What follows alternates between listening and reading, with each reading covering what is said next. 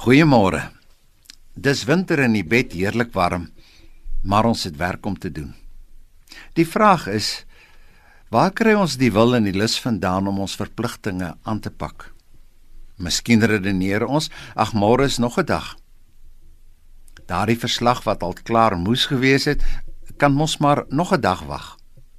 So skuif ons baie dinge vorentoe. Intussen bou die spanning in ons op na breekpunt. Ek kan dit in my are voel klop. Hoekom gebeur dit elke keer? Hoekom moet ek konstant met oormaat spanning leef?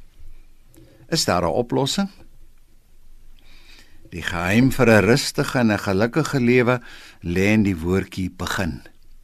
Begin eenvoudig net om dit te doen wat jy moet. Begin met jou beplanning bepaal bereikbare uitkomste en doelwitte, stel teikendatums.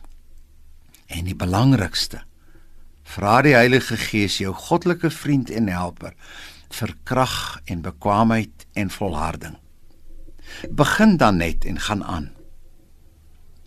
In die Bybel kom die woordjie begin meer as 120 keer voor.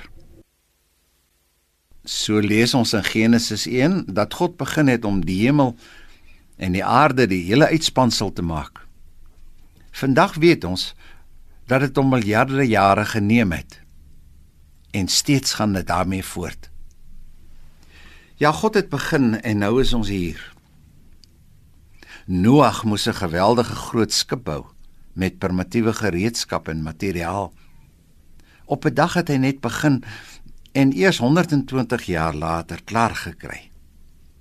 Alles was moontlik deur net te begin.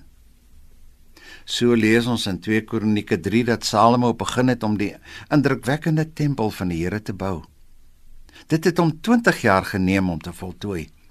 Ons lees Salomo het begin om die tempel te bou.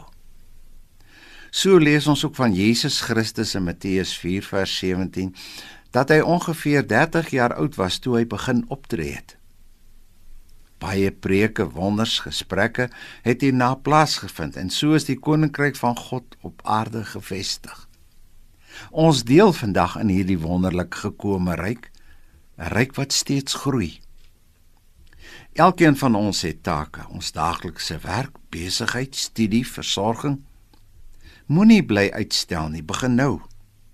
Biddend en afwagtend op jou Here staan dan verwonderd hoe hy jou deur alles gehelp het.